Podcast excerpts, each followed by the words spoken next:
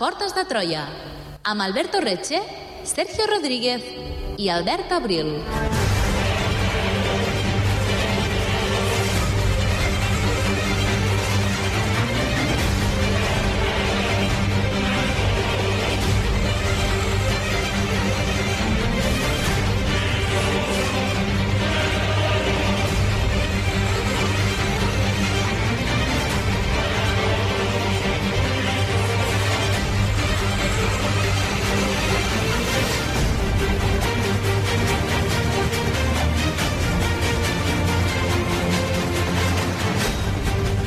Ha dos elements fonamentals per comprendre l'enorme injustícia perpetrada contra Palestina durant el segle XX i que encara avui perdura.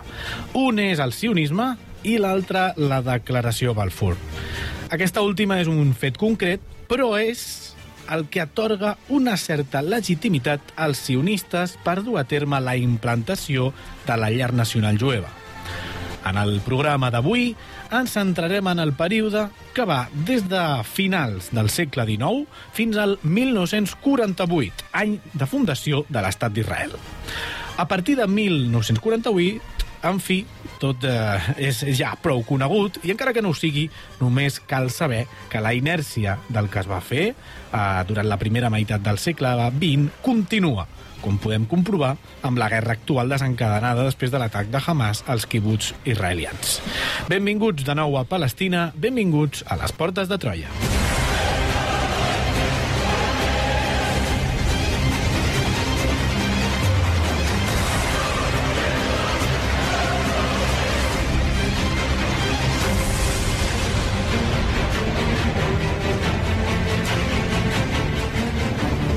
Benvingudes i benvinguts una setmana més a les portes de Troia, el programa de ràdio de la xarxa de comunicació local des dels estudis de Ràdio Castellar, programa 434 dedicat a la creació de l'Estat d'Israel, Uh, segona part, però avui també tenim amb nosaltres per parlar d'aquest tema, com ja va ser anunciat en l'últim programa, l'Adrià Hernando, uh, ell és historiador i ell és, ell és amic del programa i que ha vingut moltes vegades ja també a parlar de molts temes i també a parlar d'aquest tema que ens ocupa avui. Benvingut, Adrià. Hola, bones. Uh, a dia d'avui, 2023, estem més a prop o més lluny que a mitjans del segle XX d'arribar a una solució pel conflicte, del conflicte a Palestina?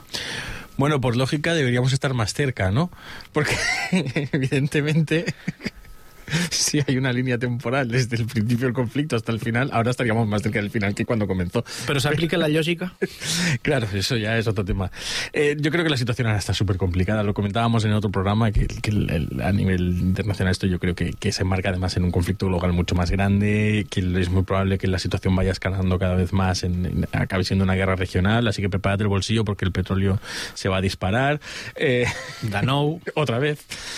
Y, y estamos en. Decir, desde mi perspectiva, desde mi opinión, no, no soy futurólogo, pero voy a decir lo que yo creo. Yo creo que el, mundo que conocimos antes de la pandemia, 2019, para el 2030 será completamente distinto y, parece pues, una tontería que lo diga, pero creo que el, el, mundo va a ser multipolar y van a haber muchos cambios. Que, que, que, estas guerras que estamos viendo ahora tienen que ver con esos cambios, ¿no? De alguna manera, pero bueno, veremos cómo es la década de los eh, 30.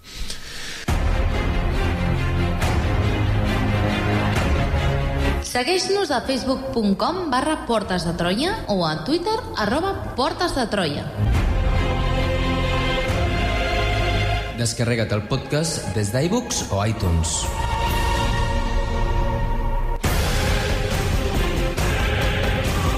I descobreix tots els continguts del programa a la nostra pàgina web www.portesdetroia.cat.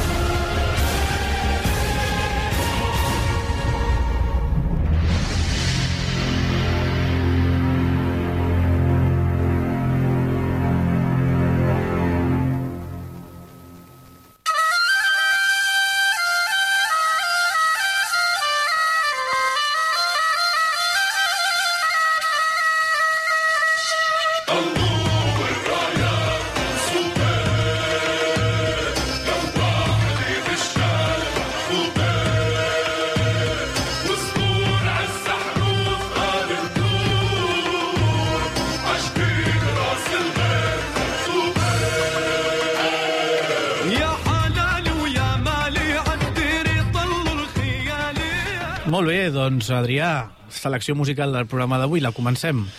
Sí, esto es una, un dabke o dakka eh, palestino. La dabka es un baile popular de Oriente Medio que se realiza tradicionalmente en primavera, en, en la época lluviosa o en los matrimonios en la época de la cosecha. Es una danza joven, eh, que requiere energía y fuerza, y se realiza en forma de semicírculo con entre 6 y 15 bailarines.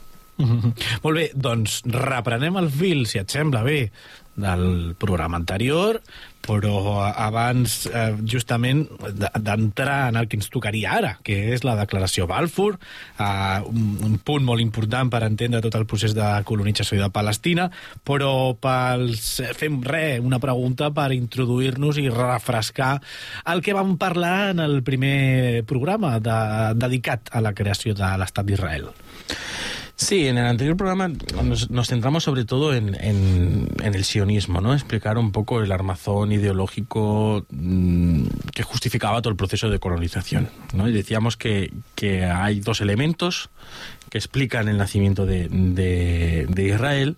Uno de ellos es el sionismo, que se explicó con detalle, y el otro, que es el que trataremos hoy, es eh, esta declaración Balfour, que es una declaración emitida por el gobierno británico en 1917.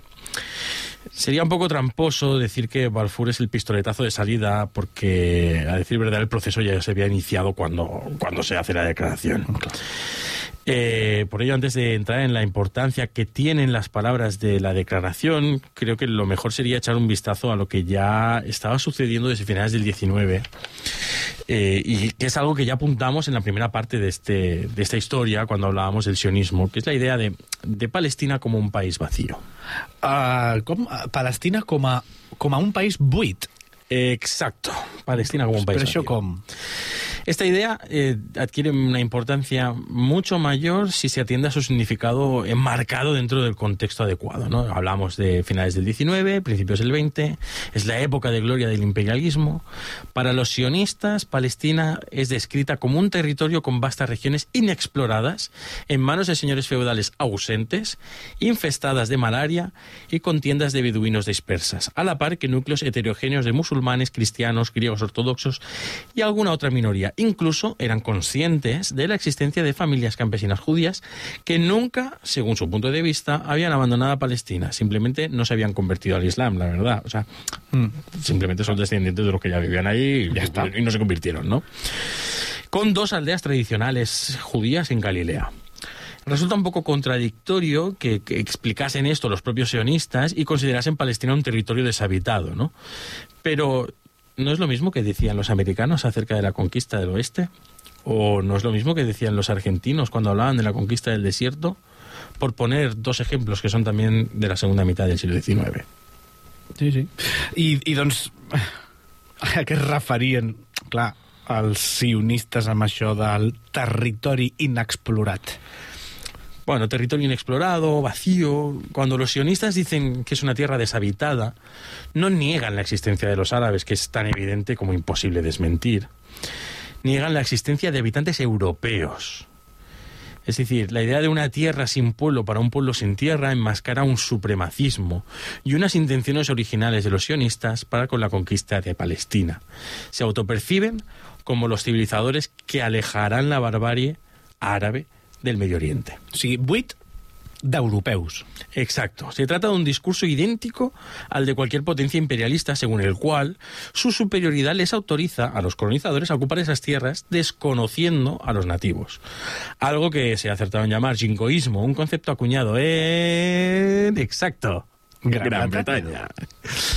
Buena cuenta de ello daba un artículo publicado el 20 de julio de 1899 en el New York Times expresando claramente la, la intención colonizadora de los sionistas.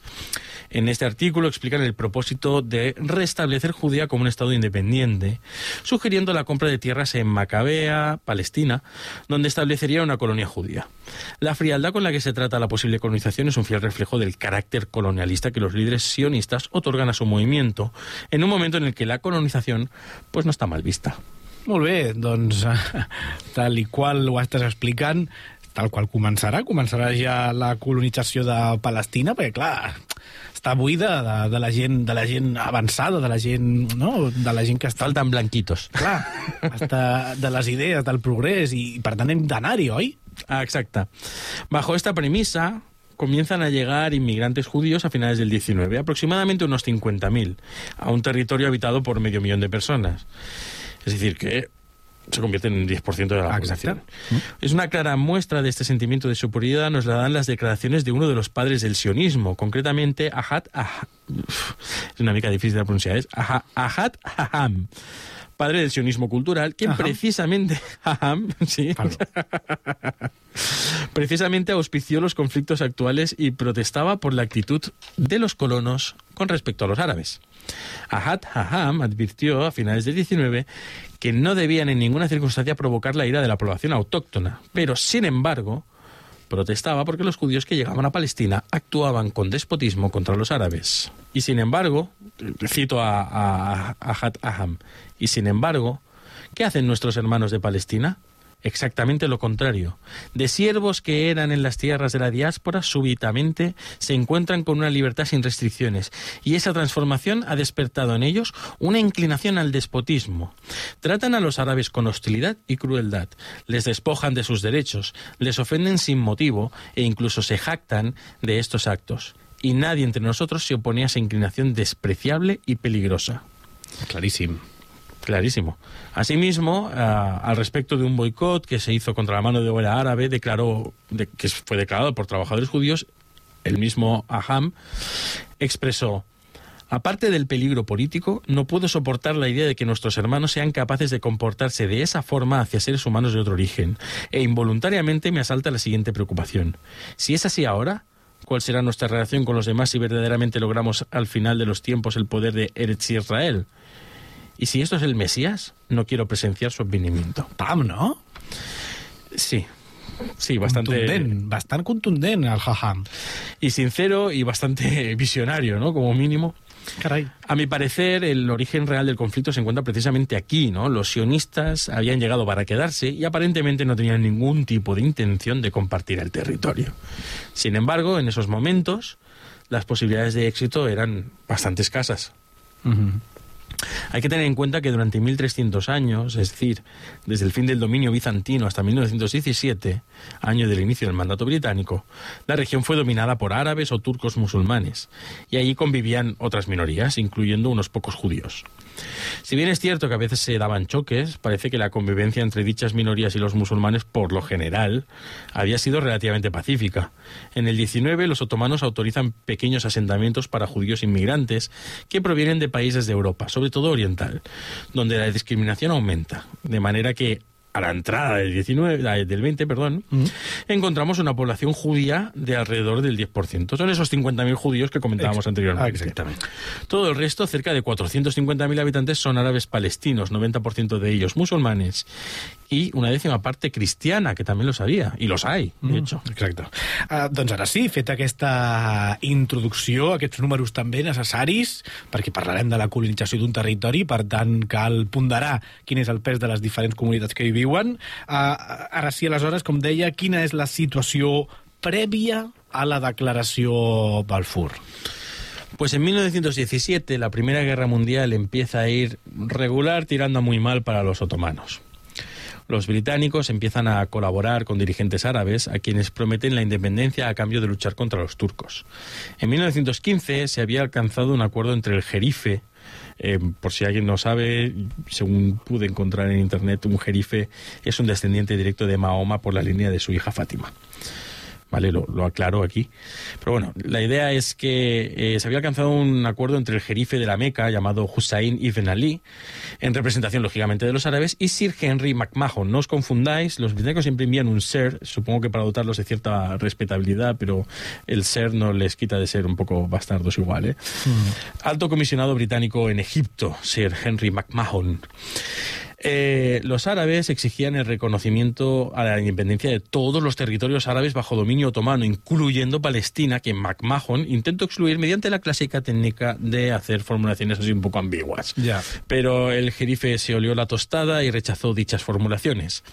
La controversia de este acuerdo continuó hasta 1939, cuando el gobierno británico, después de haber hecho un daño irreversible al territorio, admitió que en 1917 no tenía libertad para disponer de Palestina a su gusto.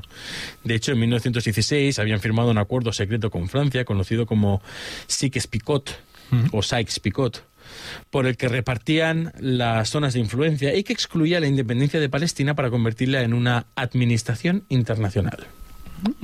Hi ha alguns eh, amics d'aquestes idees que s'estan fregant les mans. Parlem dels sionistes. Exacto. En cualquier caso, los sionistas buscaron el amparo del gobierno británico. Y lo hicieron destacando lo que ya habíamos comentado anteriormente, ¿no? Las ventajas estratégicas de tener un nuevo aliado en la región. Los británicos reaccionaron favorablemente. Quizá el descarado antisionismo británico pretendía matar dos pájaros de un tiro, ¿no? Es decir, os ayudamos y conseguimos un aliado en la región y además nos quitamos de encima a los judíos del Reino Unido. Ah. Arthur, claro. Ahà, aham. Ajá. Clar, Muy bueno. que. Eh, Arthur Balfour, que había sido primer ministro británico en- de 1902 a 1905, perdón, era un supremacista reconocido. Eh, en un debate en la Casa de los Comunes en 1906 acerca de los nativos negros del Suráfrica, en el que la mayoría de los parlamentarios estaban de acuerdo en que privar a los negros de sus derechos era algo inhumano, Lord Balfour dijo... Al tanto. Y cito, ¿eh? estas palabras son de Lord Balfour, que creo que quede muy claro. Debemos enfrentar los hechos. Los hombres no nacen iguales. Las razas blanca y negra no nacen con las mismas capacidades. Nacen con diferentes capacidades que la educación y la voluntad no pueden cambiar. Aviam, això són paraules de Balfour, però que és, a, és lo normal a la classe política elitista de l'època, supremacisme a, dojo. Exactament. Molt bé, uh, clar, a Balfour li agradaria precisament molt al segle XXI, es faria molt antiguoque, no? Sí. El racismo de Balfour, por cierto, no se limita a los negros, claro. O sea, es, compra el pack completo, ¿no? Es antisemita, etcétera. Precisamente a finales del 19, las diferentes oleadas de poromos contra los judíos en Europa del Este provocan que haya mucha migración judía al Reino Unido y a Estados Unidos. Esto incrementa una reacción anti-inmigración de la ciudadanía británica, entre quienes Balfour despertará pues, una gran simpatía, ¿no? Un hombre que dice estas cosas sin tapujos. Y es que en 1905, siendo aún primer ministro, Balfour aprobó la ley de extranjería que impuso restricciones a la inmigración por primera vez y hacía especial foco en los judíos. Val, però aviam, uh, com pot ser... Aviam, perquè poder algú s'ho està preguntant a aquestes alçades del programa, uh, com pot ser que algú tan antisemita dalt, tan, tan antisemita, doni suport a les demandes del sionisme. Ja ho has apuntat una miqueta abans, has tret una miqueta ja la, la puteta, però t'ho pregunto perquè vull que, que li dediquem més estona a aquest tema. Com pot ser aquesta, aquesta qüestió que t'acabo de plantejar? Pues parece chocante que alguien tan profundamente antisemita pueda apoyar el sionismo. Pero recordemos que el sionismo es una ideología profundamente racial y colonialista, y que en gran medida espera llevar a todos los judíos desperdigados por el mundo a Palestina. En cualquier caso, Lord Balfour, eh, y, quiero reiterar que aplico la misma lógica para los siles que para los lores, secretario de Relaciones Exteriores en 1917, dirigió una carta a la Organización Sionista Mundial el 2 de noviembre de 1917 que pasó a la posteridad como Declaración Balfour. Y en sus 67 palabras en la versión inglesa afirmaba lo siguiente. El gobierno de Su Majestad ve con beneplácito el establecimiento de Palestina, eh, el- perdón, en Palestina, de un hogar nacional para el pueblo judío y hará cuanto esté en su poder para facilitar el logro de ese objetivo, quedando claramente entendido que no se tomará ninguna medida que pueda perjudicar los derechos civiles o religiosos de las comunidades no judías de Palestina o los derechos o la condición política de que gocen los judíos en cualquier otro país. A les portes de Troia, la història a la ràdio.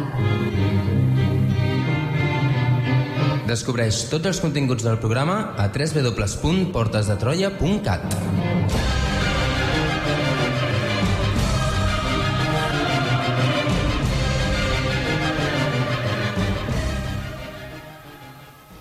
Laggiù nel Medio Oriente come un bufalo ferito, infuria il pirata americano Ma nei campi sulle dune sono armati anche i bambini, ogni donna impugna il suo fucile.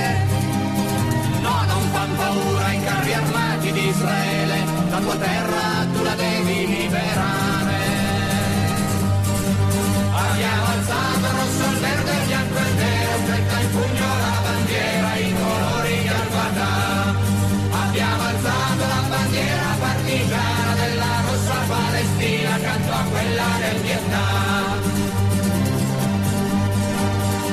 chiamano banditi i giornali dei padroni che chiamavano assassini partigiani. Noi non crederemo ai bollettini israeliani, al tiranno Giordano traditore.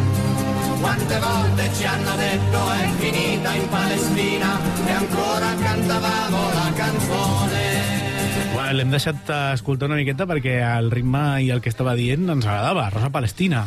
Eh, sí, de todas las canciones que encontré, creo que esta es mi favorita. Eh, Rosa Palestina, eh, Palestina Roja, es una canción antisionista y pro-palestina escrita durante los años del plomo en Italia en 1973 por Umberto Fiori, que estaba interpretada en esta versión por Edizione Movimento Studentesco. Y algún día podría venir a hablar de los años del plomo. Anys del plomo, promet un programa d'anys de, dels anys del plom. Ah, encara no està la cosa com per fer-ho. Sí, venga. Fet. Molt bé. Després hi ha gent que, se- que es dedica a recordar-nos aquestes coses, o sigui que... Yo, compte. yo- yo he ido cumpliendo. Lo que pasa que Sí, sí, yo sí, sí. no, no prometo que sea pronto. Ah, no, no. Igual me tomo dos años. Perfecte, cap problema. No sé si estarem aquí, però en tot cas, Si estamos, pues si estáis, pues vengo. endavant. Molt bé, uh, aquestes últimes uh, paraules que hem escoltat eren la declaració Balfour. Quines són les reaccions que va suscitar això? Pues muchas comunidades judías se opusieron. Por un lado, percibían un conflicto de lealtad con los países en los que vivían o incluso consideraban esto como una invitación a la expulsión de los judíos, cuya ciudadanía era, por ejemplo, británica, ¿no? Es el caso, por ejemplo, de Sir Edward Montagu, el único judío miembro del gabinete británico, que protestó y denunció enérgicamente estas declaraciones en las que, sin duda, veía un atisbo claro de antisemitismo. Mm. I el món va, com va reaccionar davant de la declaració de Balfour? Pues como era de esperar, esto no sentó muy bien eh, en el mundo árabe. Para aplacar las protestas árabes, una declaración anglo-francesa emitida el 7 de noviembre del 18 reiteró las promesas de total independencia para estos, para los árabes. Aseguraba el establecimiento de gobiernos y administraciones nacionales, derivadas de la autoridad y libre elección de las poblaciones, etcétera. No obstante, la historia ha demostrado que realmente eh, se daba y se da poca importancia a los deseos de la población autóctona. Su tierra ya había sido prometida a otro pueblo por un gobierno extranjero sin soberanía alguna sobre el territorio. Para muchos autores, la declaración Balfour era una declaración de intenciones sin efecto jurídico. Para mí también, pues qué autoridad tenía Gran Bretaña sobre Palestina. La única autoridad emanaba de unas fuerzas de ocupación que desplegó en un territorio como parte de sus campañas contra el territorio del Imperio Otomano y, por tanto, es una autoridad propia de una potencia colonial imperial. Molt bé, i arribem a, al final de la, de la Gran Guerra, de la Primera Guerra Mundial.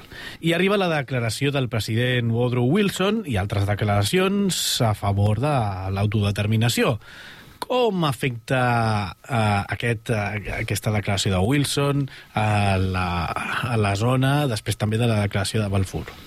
Eh, Wilson, que sorprendentemente y siendo estadounidense quizá era uno de los más coherentes que había por aquel momento en el, en el mundo, mandando en un país, eh, insistió mucho en, el tema de autodeterminación y, en esta línea se crearon lo que eran lo, que se ha conocido luego como mandatos, ¿no? Un mandato consistía en una transacción entre el sistema colonial previo y el principio de la libre determinación de los pueblos, fun- fundamentalmente defendido por, decíamos, Woodrow Wilson. ¿Has probado nunca de traducir Woodrow en Google por separado? Significa fila de madera. Fila de madera, el señor Fila de madera Wilson. Sí, sí, sí, es que a mí me chocó mucho.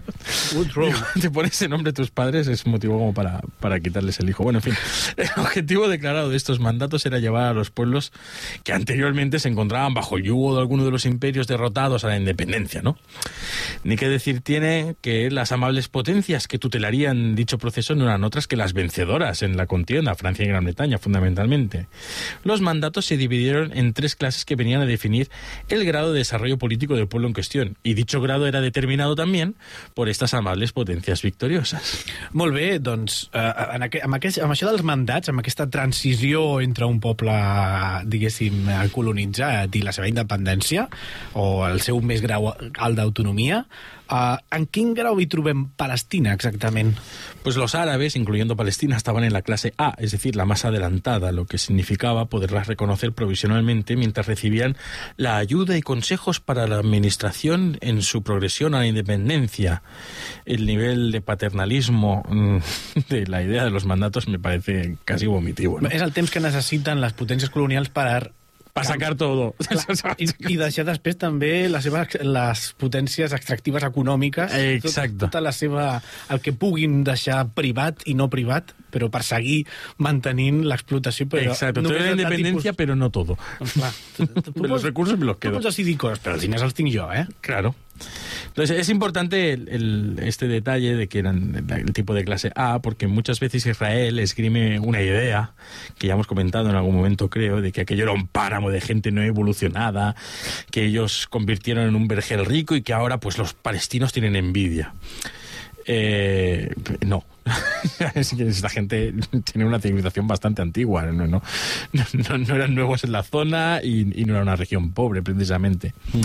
En la región, eh, Líbano y Siria fueron confiados a Francia y obtuvieron sus independencias en 1943 y 44, antes de finalizar la Segunda Guerra Mundial. Por su parte, Reino Unido recibía Palestina y Transjordania, otorgando la independencia a Jordania en 1946 y a Palestina en en nunca. Nunca. Otro dato adicional sobre los mandatos es que estaba establecido por la Sociedad de Naciones que la elección del mandatario debía tener en cuenta los deseos de las propias comunidades. Pero hubo un mandato, uno, uno únicamente, en el que esa norma, un. nume- solo uno, esa norma no se aplicó. ¿Adivinas? Exacto, Aquesta. Palestina.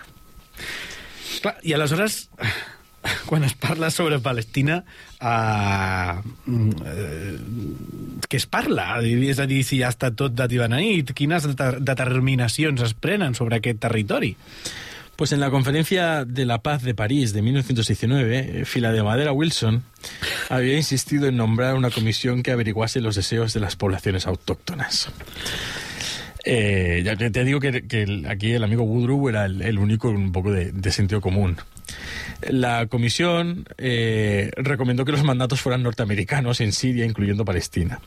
También recomendó modificar el extremo programa sionista para Palestina de ilimitada inmigración judía, declarando que el objetivo que perseguía el mismo era convertir Palestina en un Estado claramente judío, lo que sería una grave injusticia.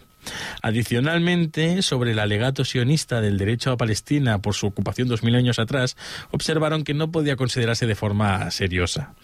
El secretario de Relaciones Exteriores británicos advirtió que hogar nacional significaba Estado judío donde los árabes serían ciudadanos de segunda clase.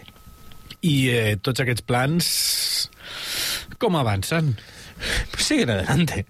Como muchas veces pasa en la historia, lo único que tiene que hacer el poder para poder seguir con sus planes es seguir con ellos ignorando todo lo demás. En abril de 1920, en San Remo, Francia, se combinó que a cambio de la libertad de acción francesa en Siria y Líbano, Palestina quedaría definitivamente bajo la tutela de Gran Bretaña, suprimiendo el régimen internacional. Se incluyó al mandato una versión más explícita de la Declaración Balfour, reconociendo a la Organización Sionista Mundial como el organismo judío que colaboraría en el establecimiento de un hogar nacional judío, adquiriendo tierras, planificando asentamientos, así como organizando la inmigración. Los árabes ni eran mencionados en el documento salvo como comunidades no judías de Palestina. Recordemos que eran la mayoría aplastante de la población. Incluso en aquella época los, los judíos no eran mm, probablemente ni, ni un 15%, no llegaban. El 24 de junio de 1922 se firmó y en septiembre de ese año entró en vigor. El 16 de septiembre la Sociedad de Naciones aprobó la administración separada de Transjordania, por lo que el mandato solo aplicaba a Palestina, aunque los planes originales para el hogar nacional incluían también territorios vecinos. Mm. Quina tutela més meravellosa, eh, la de Gran Bretanya. Jo m'agradaria que em tutelessin.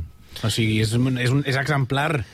Sí, es que como todo lo que hacen los hijos de la Gran Bretaña, eh, es ejemplar, es un ejemplo de cómo no hacer las cosas. Eh, la política británica en Palestina, de hecho, llevó a promesas contradictorias, ¿no? A los palestinos y a los judíos les prometían a cada uno una cosa y venga, buena suerte. Esto provocó graves conflictos en Palestina entre la población autóctona y los migrantes judíos. Antes de hablar de estos conflictos, eh, me gustaría poner algunas cifras en contexto, ¿vale? Para que nos hagamos una idea de cuál es la, la presión migratoria sobre el territorio. Como señalábamos, la organización sionista había iniciado sus andanzas en la región mucho antes del mandato. La declaración Balfour dio alas a una migración y en 1918 la población judía ya era de 56.000 personas. En el 22 era de 88.000 personas, es decir, en cuatro años habían llegado allí 32.000 personas. En un territorio de 750.000 habitantes en el 22.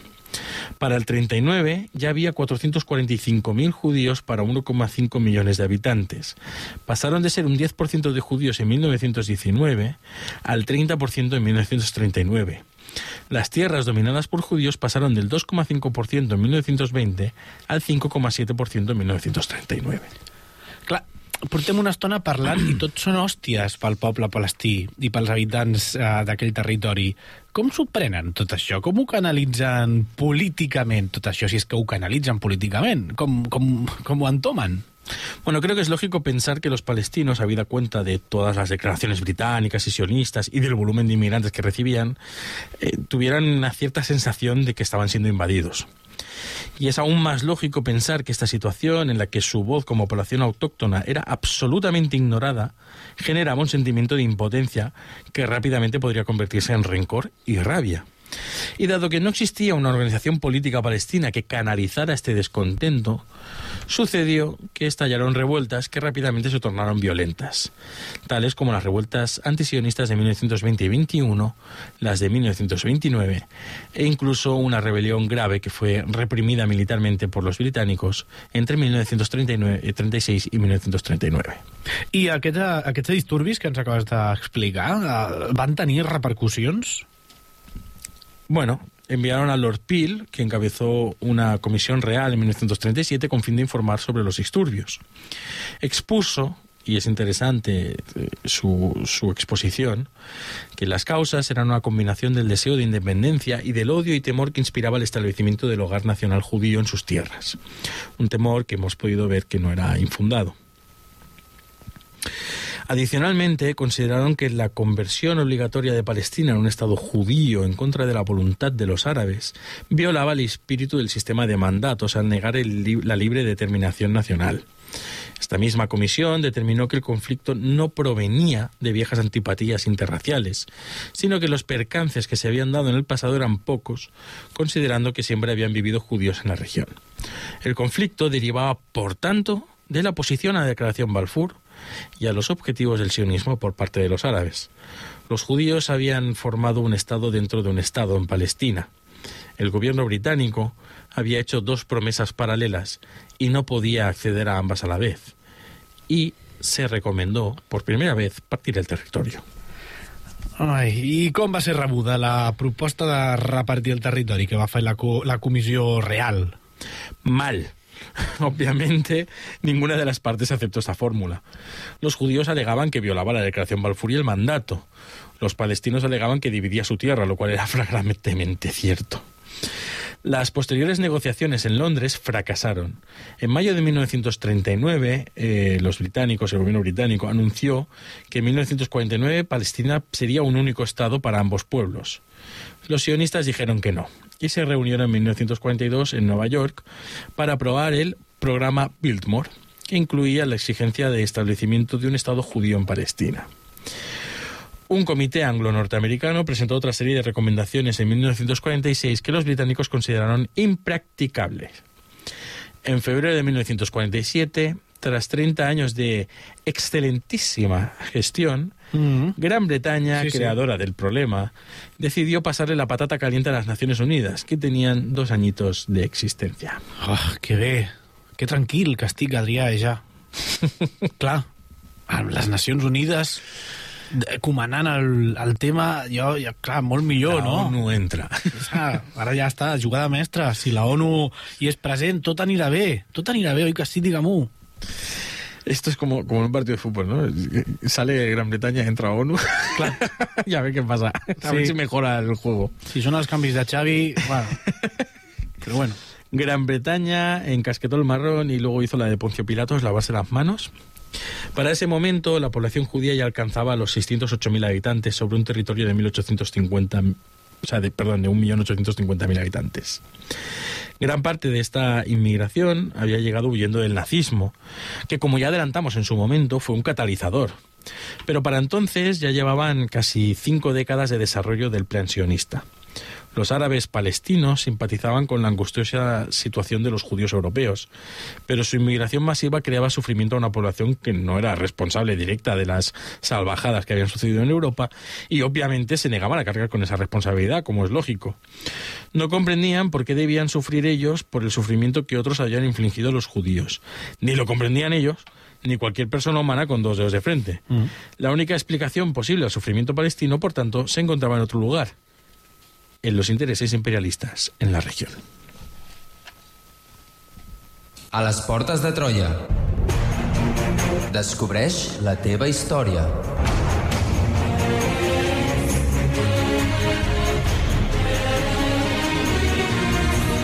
Troba'ns a facebook.com barra Portes de Troia i a Twitter arroba Portes de Troia.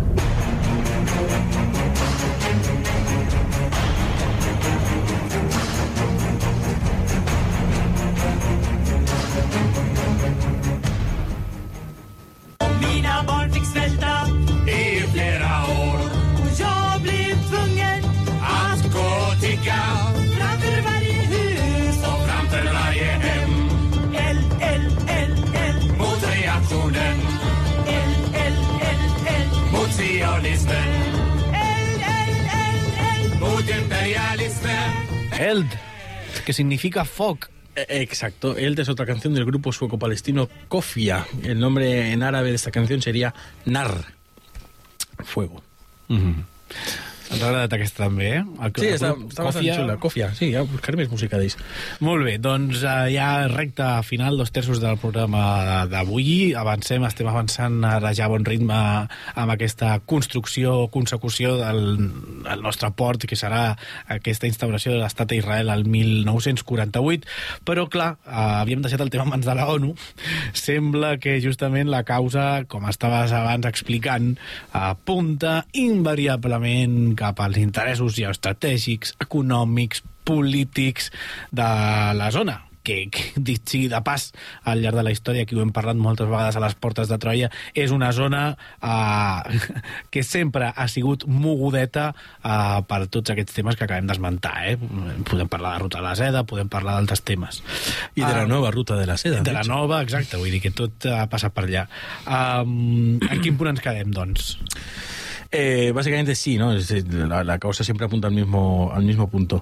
Recordemos, eh, recordamos que Balfour era profundamente antis- antisemita y que probablemente uno de los motivos por los que apoyó el sionismo era precisamente quitarse a los judíos de encima.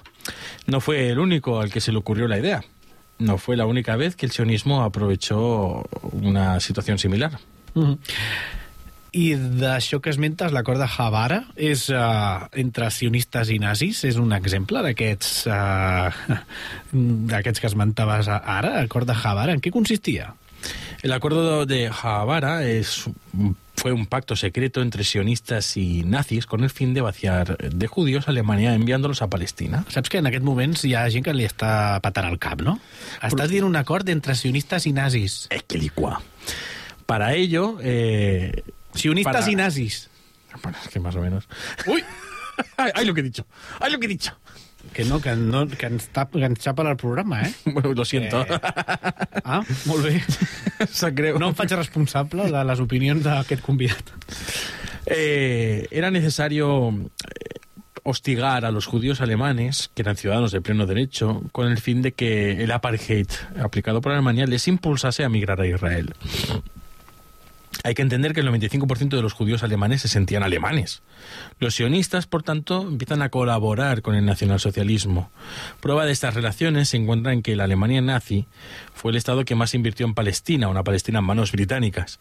La única explicación que hay, pues, eh, es este interés, ¿no? Por, por crear allí un estado judío. El sionismo no solo no tuvo cargo de culpabilidad sobre la colaboración que tanto daño trajo a los judíos europeos, sino que aprovechó la, victimiza- la victimización y, el impacto brutal en la opinión pública internacional que supuso la Shoah u Holocausto eh, para sus propios beneficios. El propio supremacismo europeo que esperaba expulsar a los judíos de Europa también haría la vista gorda a la violencia ejercida por los propios israelíes a una población nativa palestina a la que veían aún más inferior que a los propios judíos, ¿no? Vaja, vaja. doncs bé, ens encaminem a la fundació d'Israel com a estat de ple dret en el marc de les conseqüències de la Segona Guerra Mundial, doncs, no, Adrià? Exacto, para 1947 la violencia ya era, era generalizada. ¿no? Los árabes habían reaccionado con violencia a las políticas del mandato, pero es que desde 1920 comenzarán a aparecer grupos terroristas judíos. En 1940, la organización paramilitar judía, Haganah, que llevaba operando desde los años 20 en un proceso de colonización paraestatal, intentó sabotear la devolución de un barco lleno de inmigrantes judíos, provocando su hundimiento y matando a 267 personas e hiriendo a 172, todos ellos judíos. Eh, parece que es como tradición israelí matar a ¿no? el fuego amigo que le llaman. En 1944 el atentado, es otro ejemplo, ¿no? El atentado al hotel eh, King David de Jerusalén mató alrededor de 90 funcionarios árabes, judíos y británicos. Molt bé, com es començarà a notar la bona mà de la ONU en tot plegat? Pues en este agradable contexto, la ONU creó en mayo de 1947 una comisión especial de las Naciones Unidas para Palestina y la autorizó a vincular los problemas de los judíos europeos con la cuestión palestina. No tenía nada que ver una cosa con otra, pero sí, hombre, metemos todo aquí en el mismo saco. A pesar de las protestas de palestinos y otros representantes árabes, dicha comisión señaló que al instituirse los mandatos, el principio de autodeterminación que correspondía no fue aplicado a Palestina, con la clara intención de posibilitar la fundación del hogar nacional judío, alegando que tanto este como el mandato eh, se oponen realmente a la aplicación del, del propio principio, ¿no? Recomendó dicha comisión conceder sin demora la independencia a Palestina. ¿no? Una minoría de sus miembros planteaba la posibilidad de un Estado federal unificado con considerable autonomía para ambas comunidades, pero la mayoría propuso la partición en dos estados y Jerusalén como ciudad internacional. Ah, i li van fer cas a la ONU? Como es lógico, se puso en duda la competencia jurídica de las Naciones Oh. Unidas para partir el país porque, a decir verdad, ¿de dónde sale la legitimidad de la ONU? ¿No es acaso un organismo creado por las potencias vencedoras como otrora fuera la Sociedad de Naciones? En cualquier caso, la ONU es quizá el actor de esta historia que alberga y albergaba las mejores intenciones a pesar de su evidente incapacidad para lograrlas pero se consiguió que la Asamblea General aprobase con enmiendas menores la partición en la resolución 181 segunda de 20 de noviembre de 1947. El mandato debía terminar y ambos estados debían obtener la independencia el 15 de mayo de 1948. Mm, caram, doncs tindrem la partició i hi ha satisfacció amb aquesta resolució que, que Mm, demana repartir el no. territori? No, vaja. No. El tamaño del Estado judío era más pequeño de lo que los sionistas habían esperado. Pero podían tachar una cosa de su lista, que era lograr un Estado judío en Palestina. Y ese es el único motivo por el que aceptan el plan de partición. Esta resolución ya no es un brindis al sol, como había sido la declaración Balfour, que buen servicio les hizo. Sin embargo, la ONU proporcionaba una legitimidad internacional que no habían tenido hasta ese momento por lo que aparentemente se conformaron. No deja de ser que la ONU forman parte de casi todos los países del mundo, ¿no? los estados del mundo, y por lo tanto tienes un reconocimiento internacional garantizado. Clar, és, és com quan arribes a un bar i hi ha molta gent i arribes amb els 5 o 6 amics i hi ha un lloc amb una mica d'espai i dius, val, allà vaig i ens farem forts aquí. Ens hem de fer forts, eh? Clar, ja, ja, ja, ja tens un lloc. Ya tienes un sitio. A partir de aquí et Tienes pots- un colega guardándote el sitio. Exacte. Y ahí llegas. Exacte. A partir d'aquí ja podràs anar ampliant. Exacto. Entonces, ni qué decir tiene que la violencia no disminuyó un ápice. Y tras la resolución incluso incrementó. Y aún aumentó más cuando las fuerzas británicas se prepararon para retirarse. que es- bueno, en fin, anglosajones. Adelantaron la fecha de su retirada al 15 de mayo de 1948. Y las fuerzas sionistas aprovecharon ese momento para pasar a la ofensiva poniendo en práctica el plan Dalet, cuyo fin era ocupar tierras asignadas al Estado árabe tan pronto como la autoridad británica se limitara. Por eso aceptaron ¿no? el, el- el- el- el Estado pequeño, porque tenían intención de, de ignorar por completo la resolución de la ONU en cuanto tuvieran Exacto. la ocasión. Las fuerzas irregulares palestinas eh, intensificaron sus operaciones, la violencia se extendió y las víctimas principales fueron los civiles palestinos. Es en este contexto precisamente en el que se da el infame ataque sionista a la aldea de Deir Yassin, cerca de Jerusalén. Esta aldea había tratado, sus habitantes locales, habían tratado de mantenerse apartados de la lucha, pero de nada les valió. Hubo 255 muertos, incluyendo niños. La represalia fue un ataque a un convoy judío con 77 muertos. Si alguien tiene ganas de buscar testimonios, los hay y son desgarradores. Desgarradores. Lo digo, ¿eh? El terror perpetrado por los sionistas en Deir Yassin fue tal que provocó la huida de los árabes de otras ciudades y aldeas. Caram, quin seria el detonant de la primera guerra àrab-israelí? Pues el 14 de mayo, el día antes de la retirada de las fuerzas británicas, en mitad de la lucha, Israel proclama su independencia en base al programa sionista, la declaración Balfour, el mandato y la resolución de partición, eh, que me metieron todo. Mientras, las tropas británicas se retiraban ceremoniosamente. Eso sí que se les da bien a los ingleses, ¿eh? el tema ceremonial y tal. Resolver conflictos no, pero la ceremonia y tal, sí. La pompa... La pompa, fantástica. Las tropas de los países árabes limítrofes entraban en las zonas adjudicadas al Estado árabe palestino, dándose así inicio la primera guerra árabe-israelí. I quines són les conseqüències d'aquest primer conflicte? Bueno, pues cuando el Consejo de Seguridad de la ONU logró imponer el cese al fuego, o logró o quiso, eh, los israelíes se habían impuesto y controlaban gran parte del territorio asignado al Estado árabe y la mitad occidental de Jerusalén. Eh, yo pienso que mucho tiempo debieron estar preparando esto para que les saliera también. Recordamos que, que eran un tercio de la población. Eh, y me pregunto si tendrían el apoyo de alguien por detrás, ¿no? da que pensar. El armisticio de 1949 dejaba a Israel con el 67% del territorio de Palestina. Egipto y Jordania administraban el resto. Gaza fue administrada por Egipto y la ribera occidental por Jordania. De los dos estados contemplados por la resolución de la ONU, solo uno fue establecido. El Estado árabe no llegó nunca a nacer. Lo demás, como se suele decir, es de sobras conocido. Tristament conegut, sí. Arribem a als últims minuts del programa per fer una mica de conclusions eh, sobre aquest doble programa amb l'Adrià amb, amb l'Adrià Hernando explicant la creació d'aquest estat d'Israel. Quines, amb quines conclusions eh, t'agradaria que els nostres oients es quedessin després de tot aquest conflicte que hem explicat? Pues mira, fundamentalmente las guerras árabe-israelíes han sido constantes y hasta ahora Israel ha ido bastante bien. Siempre con el apoyo de la Unión Europea y de Estados Unidos detrás, claro. Potencias que se venden como no imperialistas, pero que en el fondo han mantenido la misma política supremacista en el mundo, aunque bajo mano.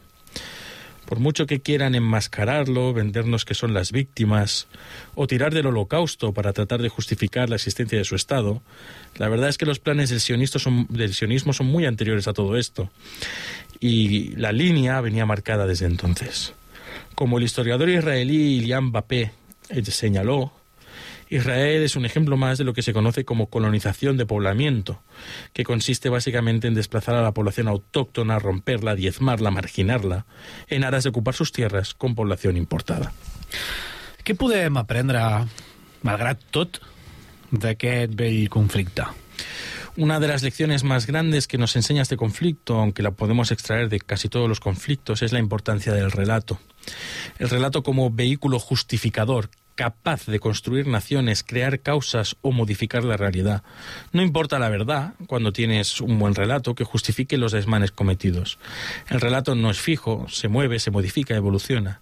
Si antes el imperialismo estaba bien visto, ahora se camufla con un relato que legitimia ciertas prácticas como las armas de destrucción masiva, la lucha por la democracia y la libertad, etc.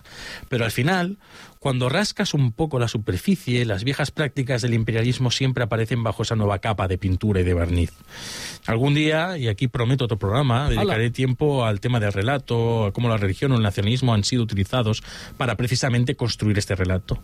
Así como la ciencia ha utilizado el conocimiento para desmontar muchas de las tesis de la religión, la historia como disciplina, o nosotros los historiadores más bien, podemos y debemos hacer lo propio con los mitos construidos para justificar el statu quo, la opresión, el expolio, las injusticias, etcétera.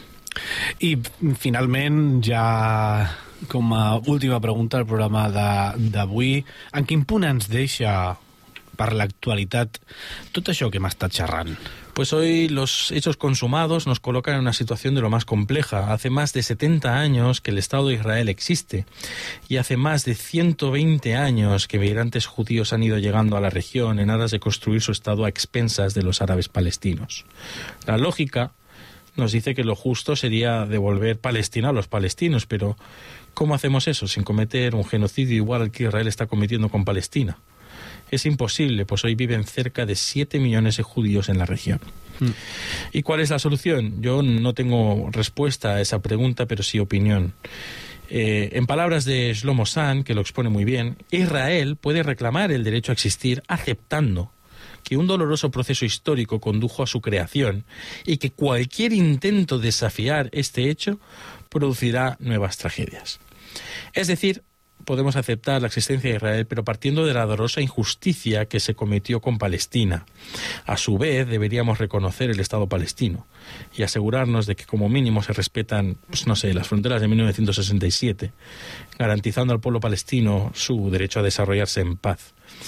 Y esta solución que yo planteo aquí, que la planteo así como un poco cuñado en, en una barra de bar con palio en la boca y carajillo en la mano, en realidad es una solución absolutamente injusta para los palestinos, pero dudo mucho, personalmente creo, que la mayoría de palestinos hoy por hoy aceptarían tranquilamente esto como una forma de garantizar su futuro.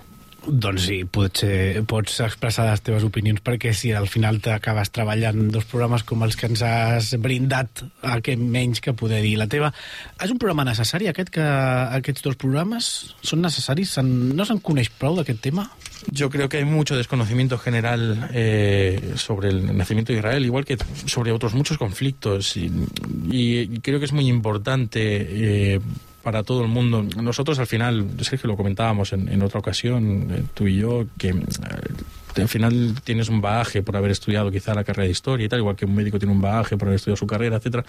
Y cuando se te plantean ciertas cuestiones, pues rápidamente asocias ideas, etcétera, y, y tienes, no creas ya más o menos un contexto y sin, quizás sin saber mucho del tema ya intuyes por dónde van los tiros, ¿no? Igual que cuando vas a la consulta el médico puede intuir qué es lo que te pasa sin hacerte pruebas y luego pues con esa intuición busca.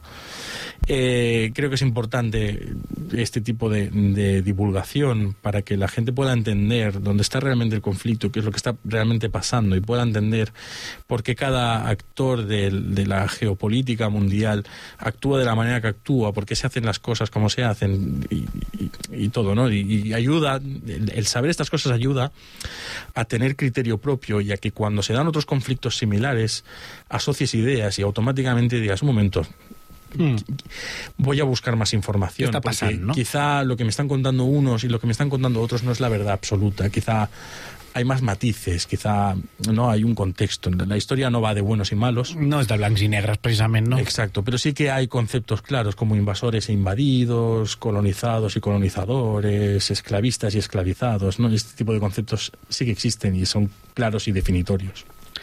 Doncs no tenim eh, temps per més, Adrià Hernando, moltíssimes... Venga otro día, no pasa nada.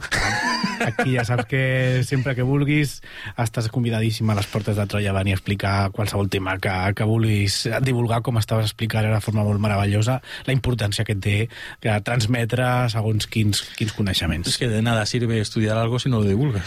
Doncs moltíssimes gràcies, Adrià A Hernando. Fins la propera. L'Adrià Tirado al control tècnic i us parla Sergio Rodríguez i us esperem la pròxima setmana amb un nou episodi de Les Portes de Troia.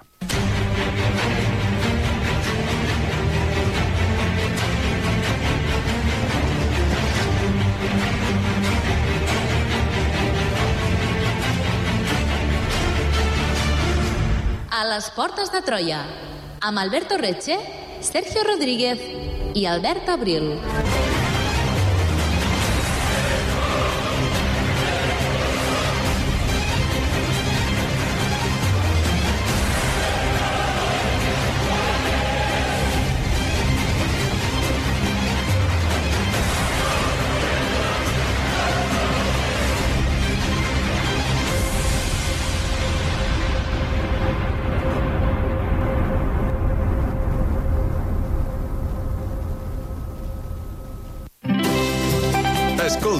Ràdio Seu on i quan vulguis.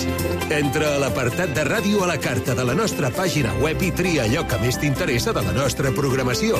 Els informatius, les entrevistes, els programes musicals, culturals i esportius, la programació especial... On i quan vulguis, Ràdio Seu. A la carta des de la nostra pàgina web radioseu.cat.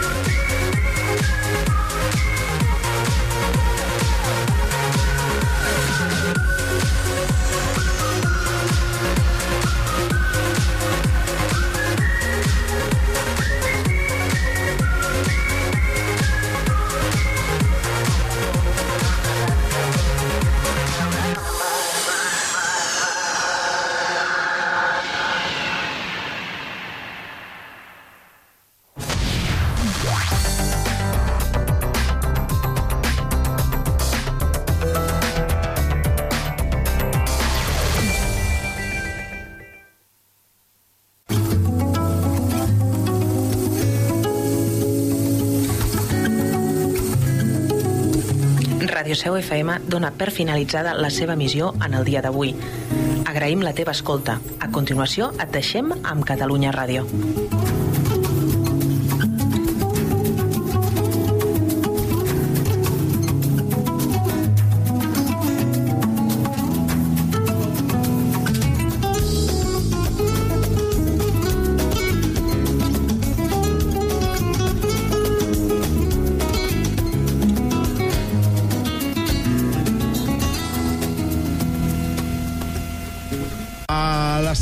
7,